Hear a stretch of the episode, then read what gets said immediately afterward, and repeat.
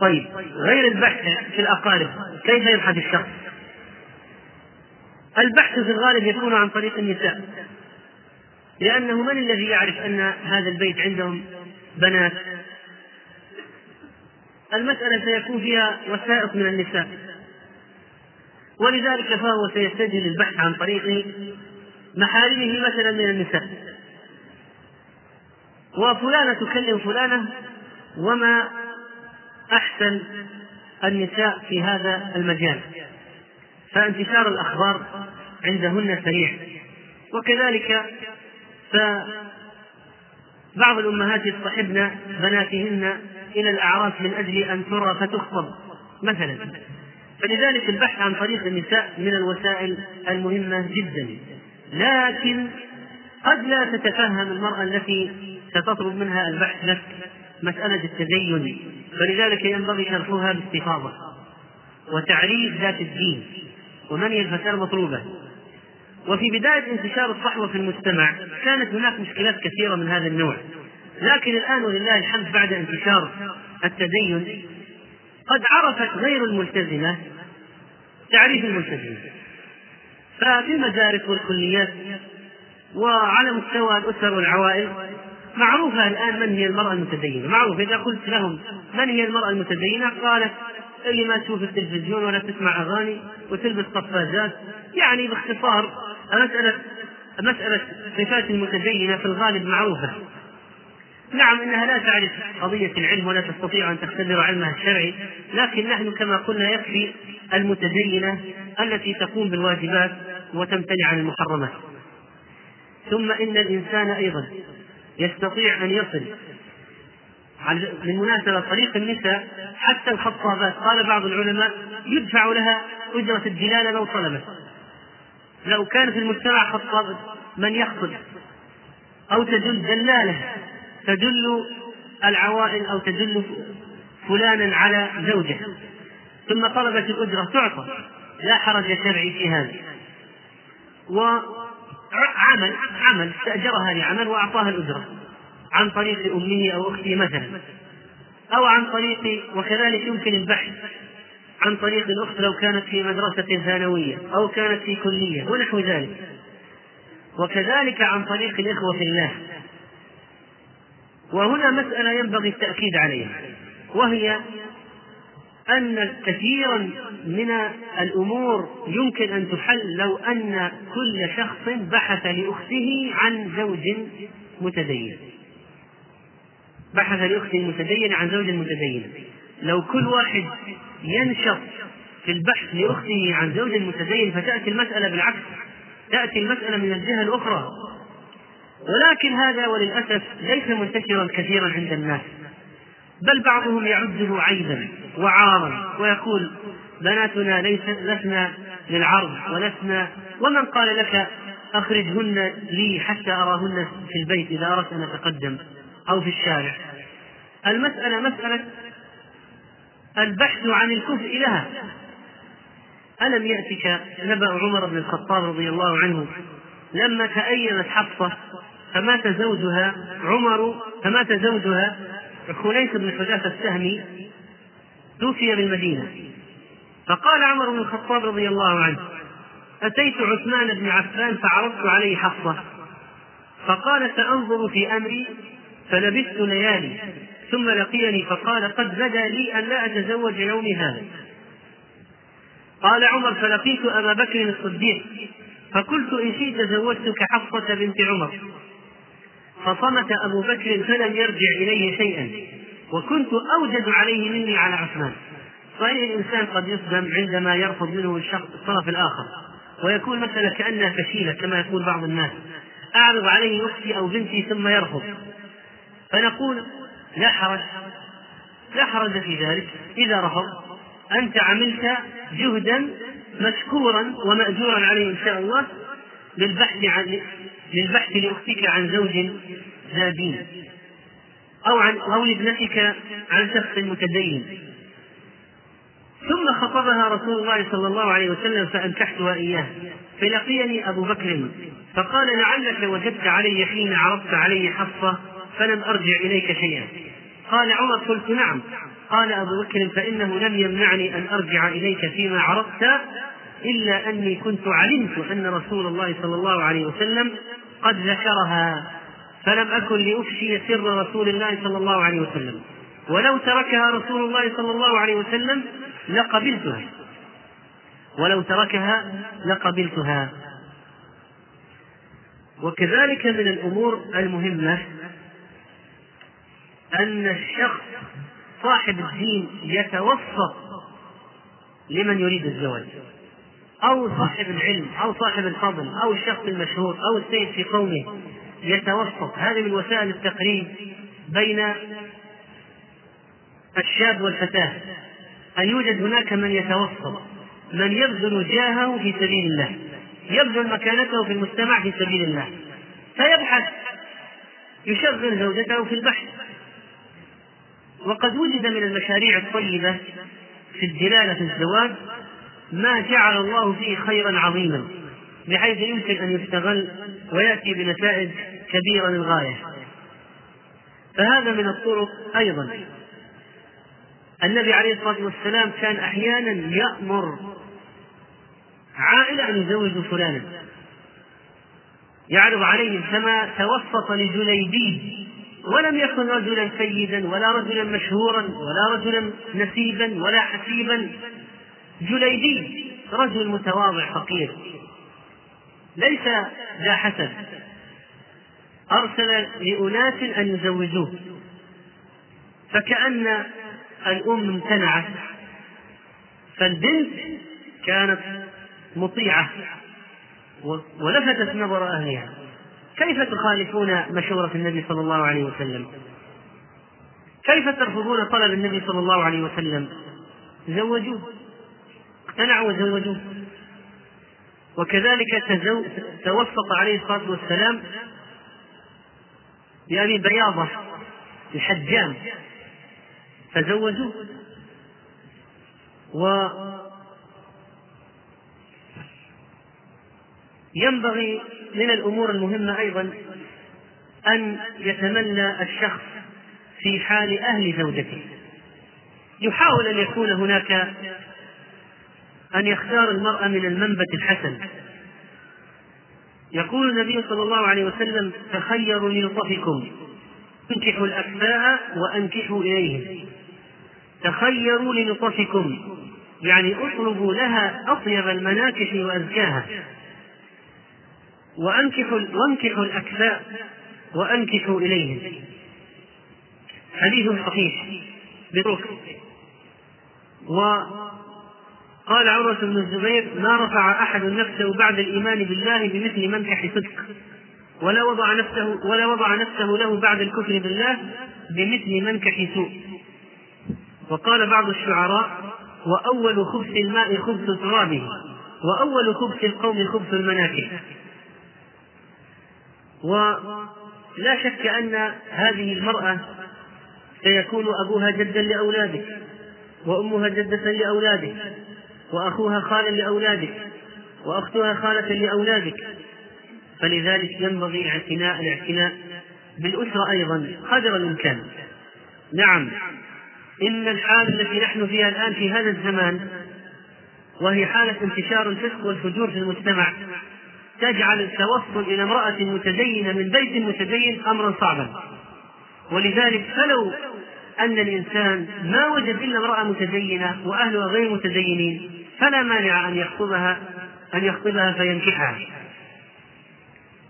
وقلت تصحيحا للاسم تصحيحا الاسم الوارد قبل قليل النبي عليه الصلاة والسلام توسط لأبي هند وقال يا بني بياضة أنكحوا أبا هند وانكحوا إليه.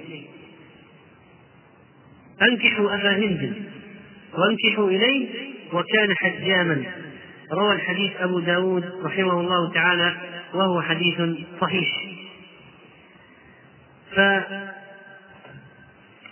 فنقول إن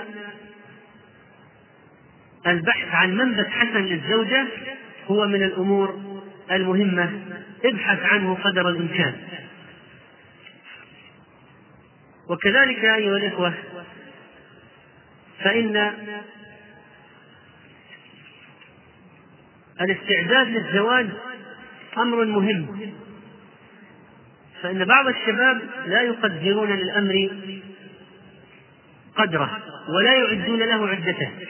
يأتيك متحمس يقول أريد الزواج والشريعة حثت على الزواج وأنا لابد أن أتزوج ويسعى في الأمر سعيا شديدا. لكنه ما أعد العدة من جهة الشعور بالمسؤولية من جهة العلم بالحقوق الشرعية للزوجين من جهة البحث عن مصدر للمعيشة. وبعض الأشخاص إذا تزوج ليس مستعدا أن يذهب ليشتري طعاما ولا أن يأتي بما يكمل بيته لأن ما عنده شعور بالمسؤولية. ولذلك كثير من هذه الزواجات تفشل لهذا السبب. و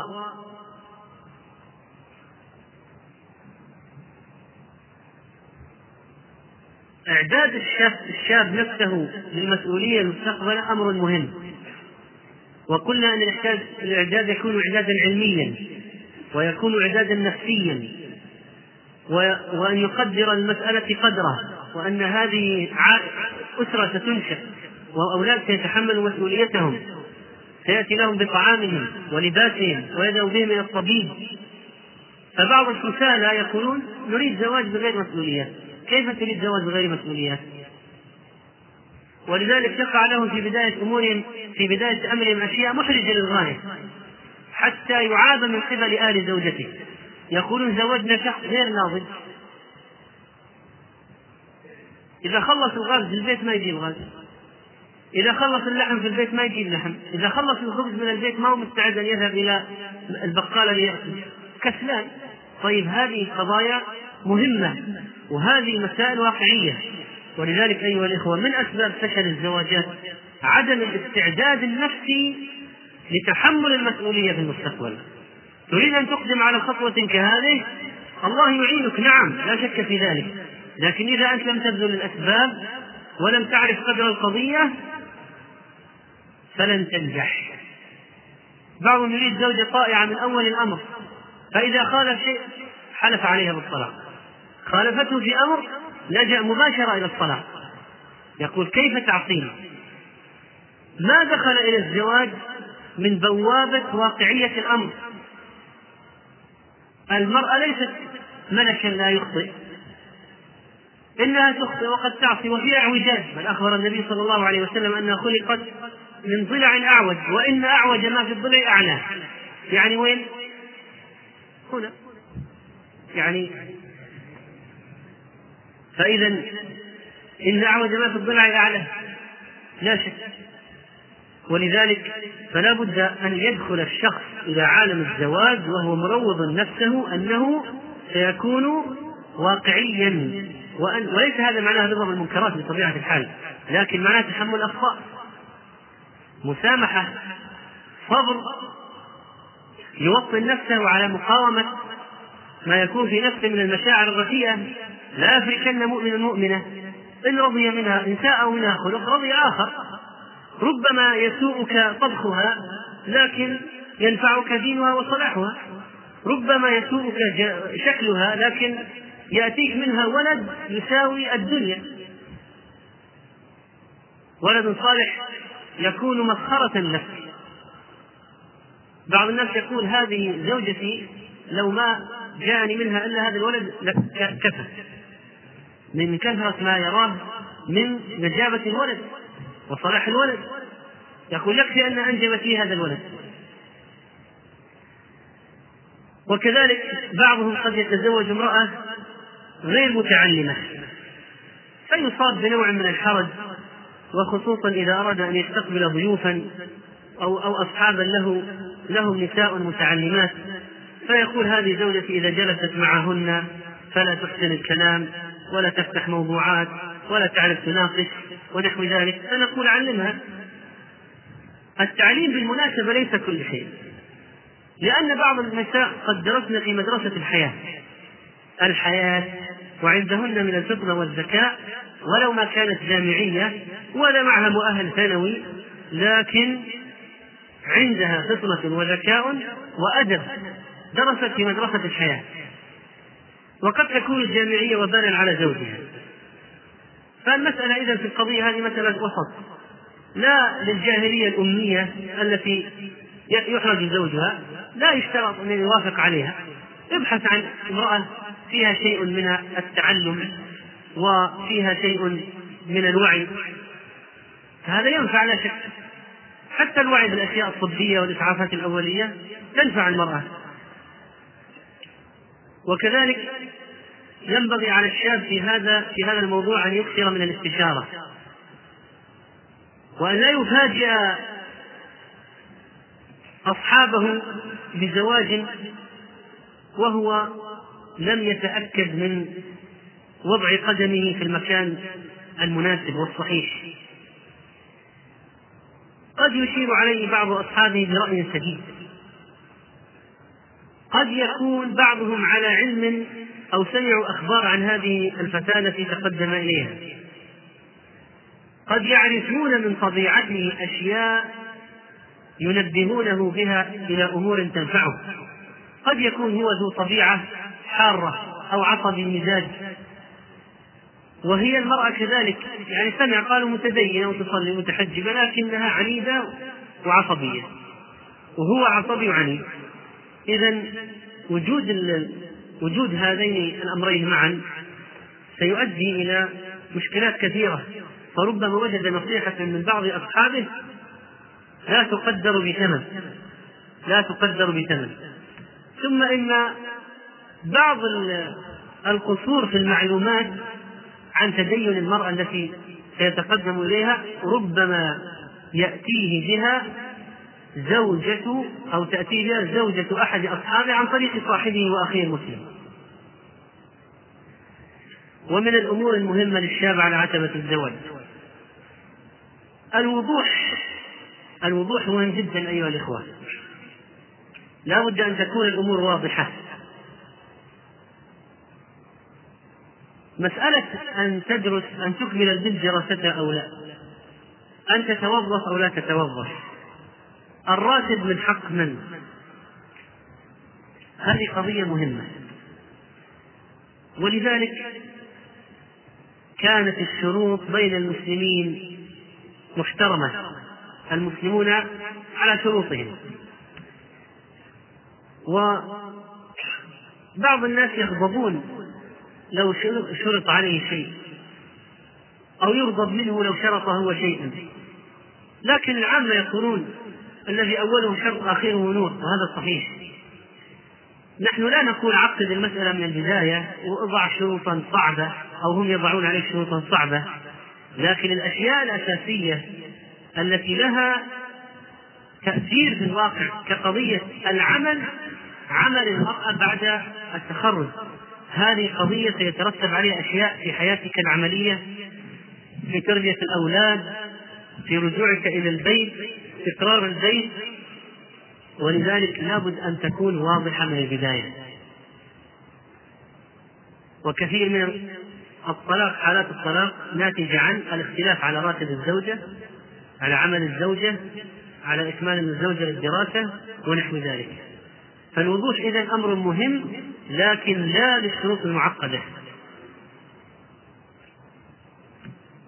وكذلك من الأشياء التي ينبغي الاعتناء بها.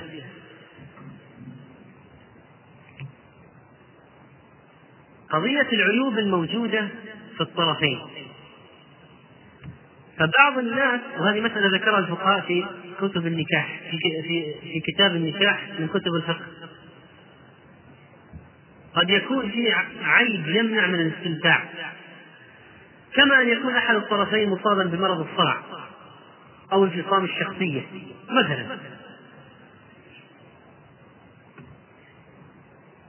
أو قد يكون بالمرأة عيب يمنع من الاستمتاع بها.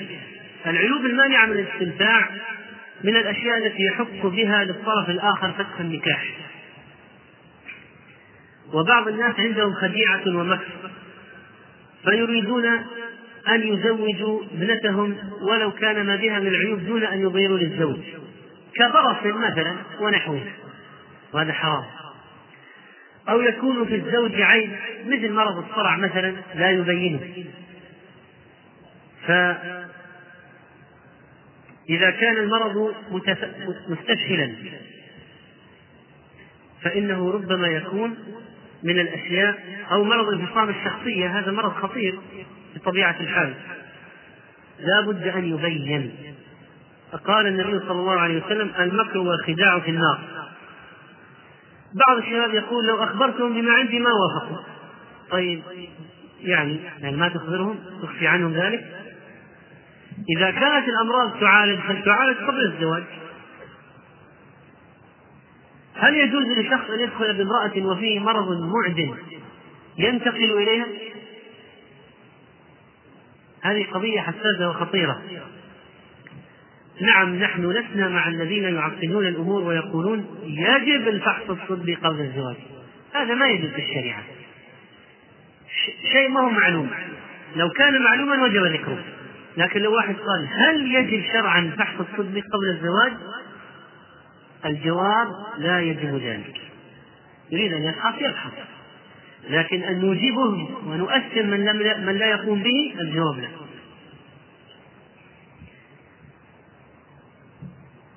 ومن الأمور كذلك كما قلنا معرفة الحقوق الشرعية لكل منهما. فإن بعض الناس يدخل في الزواج ما عنده علم بحقوق الشرعية لزوجته. وبعض النساء تدخل في الزواج ما عندها علم بالحقوق الشرعية لزوجها. فلا يعرف كل واحد منهم ما حق الآخر عليه. ولذلك يحصل الخصام والنكد والمشاجرات التي لو كان العلم لو كانت الحقوق الشرعية واضحة لما حصل. وكذلك فإنه لو علمت الحقوق الشرعية لا يحصل بين الزوج وزوجته كثير من المشكلات. عن عبد الله بن عمرو قال زوجني أبي امرأة من قريش. بالمناسبة نساء قريش هن أصلح النساء بنص حديث النبي صلى الله عليه وسلم. أحناهن على ولد في صغره وأرعاهن لما في ذات يد الزوج. خير نساء ركبن الإبل صالح صالح نساء قريش. عن عبد الله بن عمرو قال زوجني أبي امرأة من قريش فلما دخلت علي جعلت لا أنحاش لها. أنحاش يعني أجتمع معنى أنحاش مأخوذ من التجمع والجمع يعني لا أقربها. مما بي من القوة على العبادة من الصوم والصلاة. فجاء عمرو بن العاص إلى كنته. من هي الكنة؟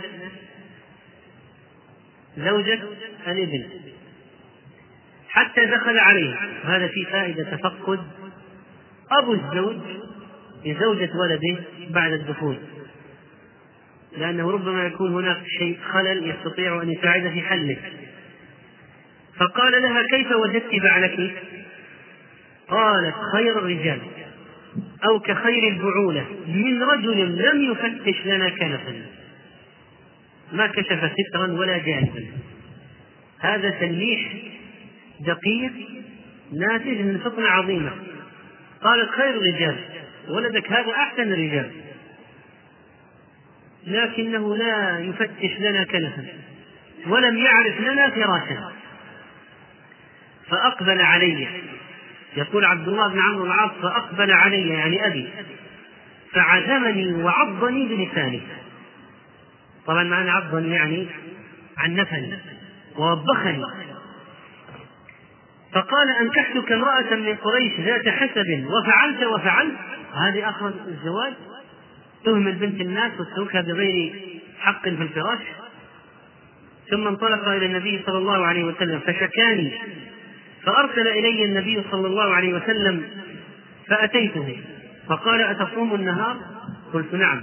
قال وتقوم الليل؟ قلت نعم. قال لكني أصوم وأفطر وأصلي وأنام. وهو صلى الله عليه وسلم يأتي النساء يعاشر النساء. ثم قال له فمن رغب سنتي فليس مني. قال اقرأ القرآن في كل عشرة أيام. قل إني أجدني أقوى من ذلك. قال فاقرأه في كل عشرة أيام. قلت قلت فقال فقرأه في كل ثلاث. ثم قال صم في كل شهر ثلاثة أيام. قلت إن أجدني إني أجدني أقوى من ذلك. قال فلم يزل يرفعني حتى قال صم يوما وافطر يوما. فإنه أفضل الصيام وهو صيام أخي داود. وقال له فإن لكل عابد شرة يعني نشاط وقوة يعني نشاط وقوة. ولكل شرة فترة يعني هبوط وانحدار. فإما إلى سنة وإما إلى بدعة. فمن كانت فترته إلى سنة فقد اهتدى ومن كانت فترته إلى غير ذلك فقد هلك. قال مجاهد فكان عبد الله بن عمرو حيث ضعف حين ضعف وكبر يصوم الأيام كذلك يصل بعضها إلى بعض ليتقوى بذلك ثم يفطر بعدد تلك الأيام. يعني مثلا يصوم سبعة متوالية ثم يفطر سبعة. لما كبر وضعف وكان يقول لأن أكون قبلت رخصة رسول الله صلى الله عليه وسلم أحب إلي. فالشاهد من القصة كيف أن عم عبد الله بن عمرو العاص كان من اجتهاده في العبادة لا يعطي زوجته حقها حتى حصل ذلك التنبيه. وكذلك قال سلمان الفارسي لأبي الدرداء لما رأى أم الدرداء متبذلة وشكت له زوجها قال إن لأهلك عليك حقا وأقره النبي صلى الله عليه وسلم. و من الأمور أيضا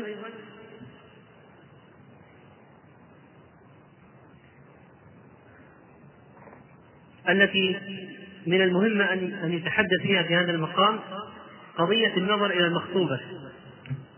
فهي مما يهم الشاب على عتبة الزواج. قال النبي صلى الله عليه وسلم إذا خطب أحدكم المرأة فإن استطاع أن ينظر منها ما يدعو إلى نكاحها فليفعل. قال فخطبت جارية. يقول الراوي فخطبت جارية. جابر من بني سلمة فكنت أختبئ لها تحت الكرب وهو أصول السعد حتى رأيت منها ما دعاني إلى نكاحها فتزوجتها.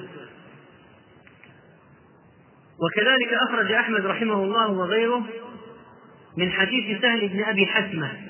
قال رأيت محمد بن مسلمة بن مسلمة يطارد بسينة ابنة الضحاك ببصره يريد أن ينظر إليها.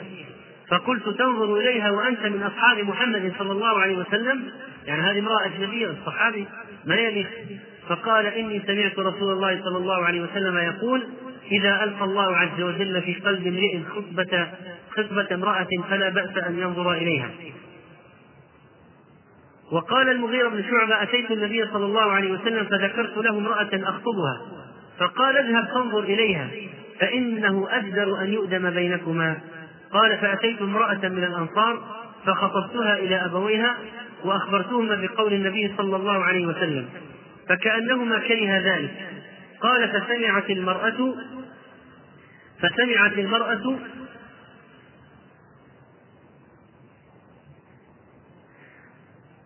وهي في خدرها. من هي؟ البنت. سمعت وهي في خدرها.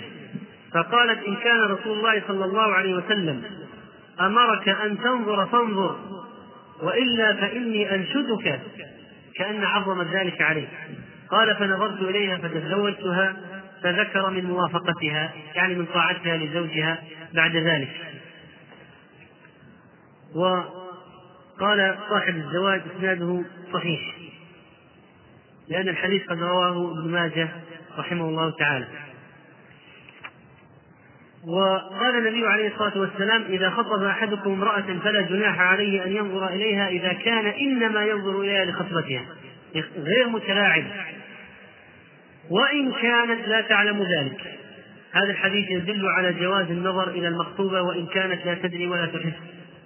ما دام الشخص جاد غير متلاعب فإنه يجوز لها أن ينظر إليها من وراء ستار ونحوه وإن كانت لا تدري. وقال أبو هريرة فيما رواه مسلم رحمه الله خطب رجل امرأة من الأنصار فقال له رسول الله صلى الله عليه وسلم هل نظرت إليها؟ قال لا. قال فاذهب فانظر إليها فإن في أعين الأنصار شيئا. يعني من الصغر ما كانت أعينهم صغيرة. فإذا رآها فإنه يعلم حقيقة الأمر. وبهذه المناسبة أقول إن بعض إنه لا بد من مراعاة نفسية إنه لا بد من مراعاة نفسية المرأة عند التقدم إليها والنظر وكذلك لا بد أن يكون النظر شرعيا فما هي الأشياء التي ذكرها العلماء فيما يحل للرجل أن ينظر إلى المرأة؟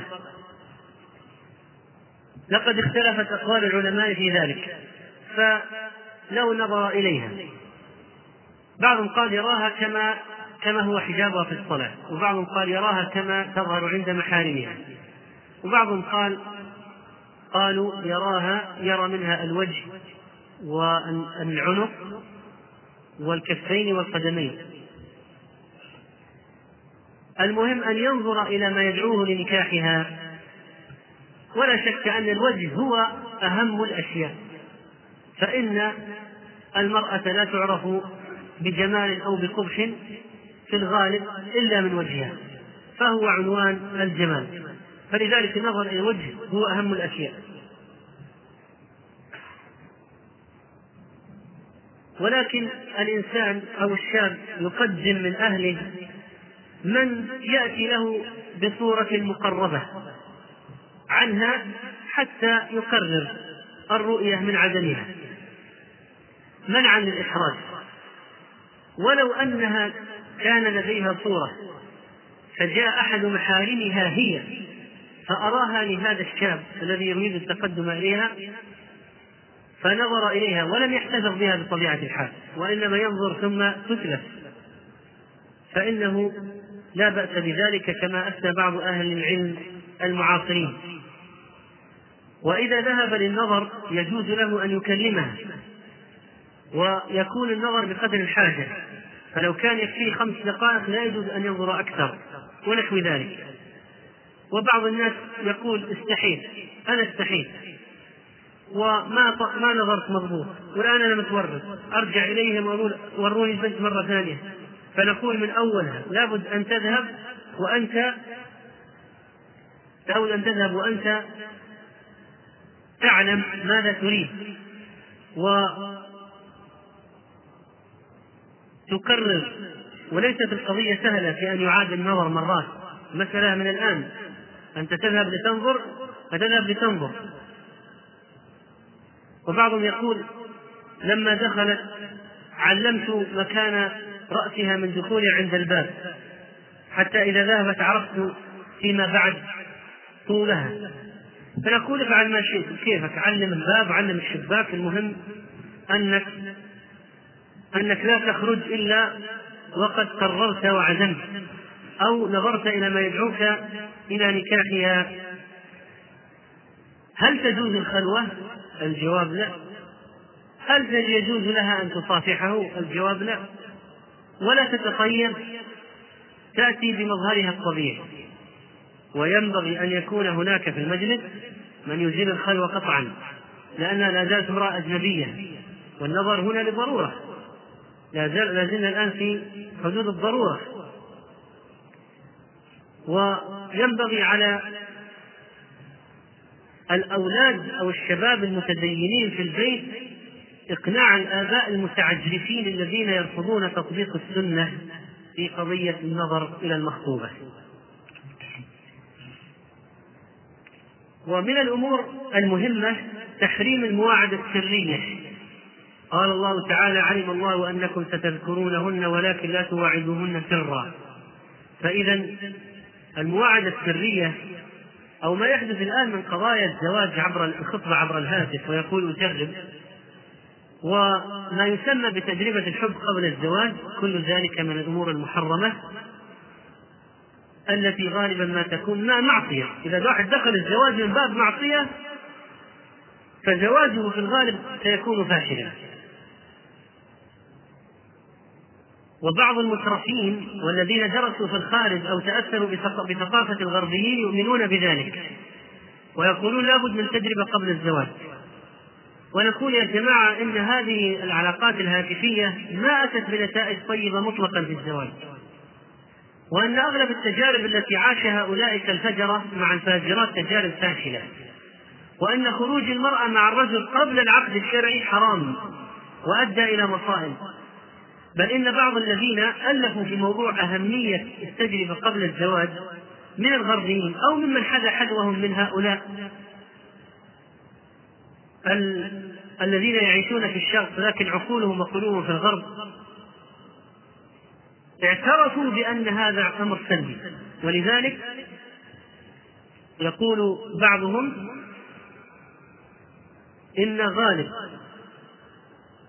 الذين أتوا للعقد كن حوامل. وكثيرا ما تنفسخ الخطبة بعد بعد أن يقضي الذئب وطره وتقع الكارثة عند ذلك. وهذا نتيجة المعصية ولا شك. ثم كيف يعقد عليها وهي حامل؟ والولد ليس ولده شرعا لأنه سينسب إلى أمه لأنه ولد زنا. ولذلك فكل هذا الكلام الذي يقولونه من أهمية التعارف وإقامة العلاقات لكي يفهم كل من الطرفين الآخر قبل العقد الشرعي هذا كله حرام. في شرعنا يكفي أن ينظر الإنسان إلى المرأة عند الخطبة يسأل عنها يدقق في البحث يسأل عدة مصادر ولا يجعل القضية سائبة ومن أول كلمة تأتيه يوافق فإذا كان ذلك كذلك يكفي إن شاء الله وسيبارك له فيها. ومن الأشياء التي يفعلها الإنسان في مقدمة الزواج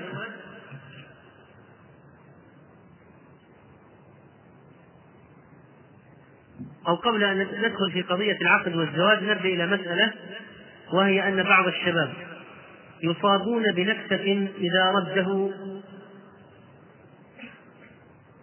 أولياء أمور بعض النساء. إذا أجابوا بالرفض أصيب بنكسة وتحطمت نفسيته. وقال كيف يردوني وأعرف واحدا قال لي من سوء ظنه بالله هذه قضية خطيرة جدا. قال أصلا لو الله يريد أن يريد أن يتزوج لوفق لكن ما يريد. أي نعم. قال انظر هذه سبعين فتاة تقدمت إليه كلهم رفضوا. صحيح الإنسان تضيق عليه نفسه ويصاب بخيبة أمل ويصاب بكربة فعلا. إذا تقدم ورفض وتقدم ورفض وتقدم ورفض لكن ومدمن القرع للأبواب أن يلج ولا هذا أمر لا بد فيه من الصبر والتحمل. ولا ينبغي أن يعيب الناس بعضهم على بعض في هذه المسألة فإنهم قد لا يرون من المناسب أن يزوجوه إذا كانوا قد رفضوه لسبب شرعي. وكذلك من الأمور المهمة أن لا يدخل على خطبة أخيه فيخطب على خطبته. فإذا عرفت أن هذه الفتاة قد تقدم إليها شخص لا يجوز لك أن تتقدم إليها. مطلقا. حتى يرفضوه هو أو يمضي فترة طويلة تدل على أنهم لا رغبة لهم به أو تستأذن منه وتقول أنت ما شاء الله عليك يمكن أن تجد غيرها كثير لكن أنا ما عندي إلا هذه هذه الفرصة فلو سمحت أن أتقدم أنا وتأذن لي فإن أذن له جاز ذلك. لو تقدم إلى فتاة وهو لا يدري أن آخر قد خطبها فلا يأثم ما دام لا يدري. المسألة تتعلق بالعلم. إذا كان يعلم وتقدم فهو آثم. فإذا انتهت رغبتهم بالخاطب الأول فعند ذلك يتقدم هو. ولا شك أن خطبة الرجل على خطبة أخيه من أسباب إيقاع الوحشة والعداوة بين المسلمين.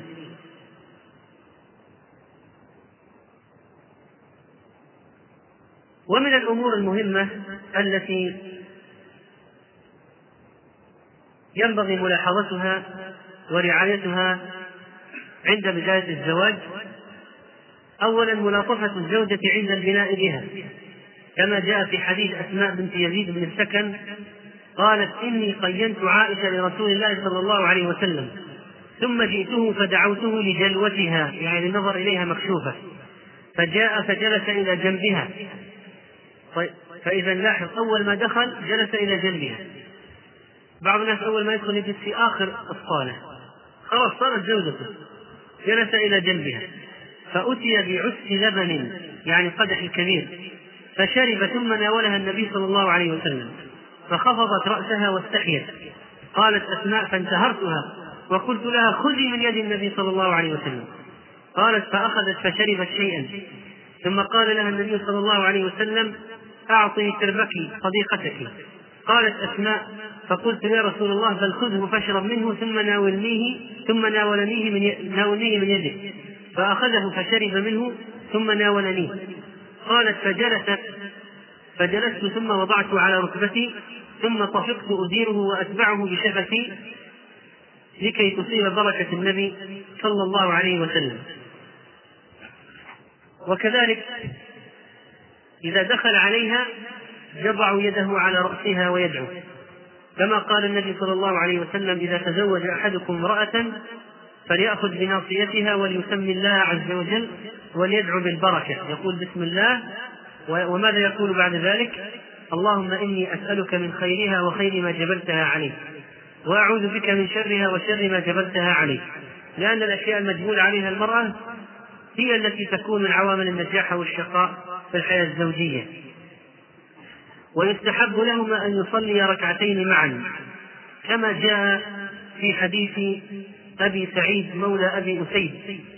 قال تزوجت وأنا مملوك فدعوت نفرا من أصحاب النبي صلى الله عليه وسلم فيهم ابن مسعود وأبو ذر وحذيفة أجابوهم كبار الصحابة مع أنه مملوك. إجابة الدعوة واجبة. قال وأقيمت الصلاة. فذهب أبو ذر ليتقدم. فقالوا إليك. قال أو كذلك؟ قالوا نعم.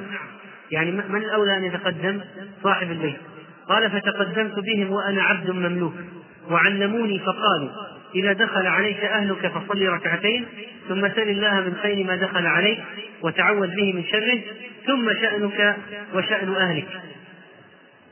ثم شأنك وشأن أهلك. وهذا وهذا الحديث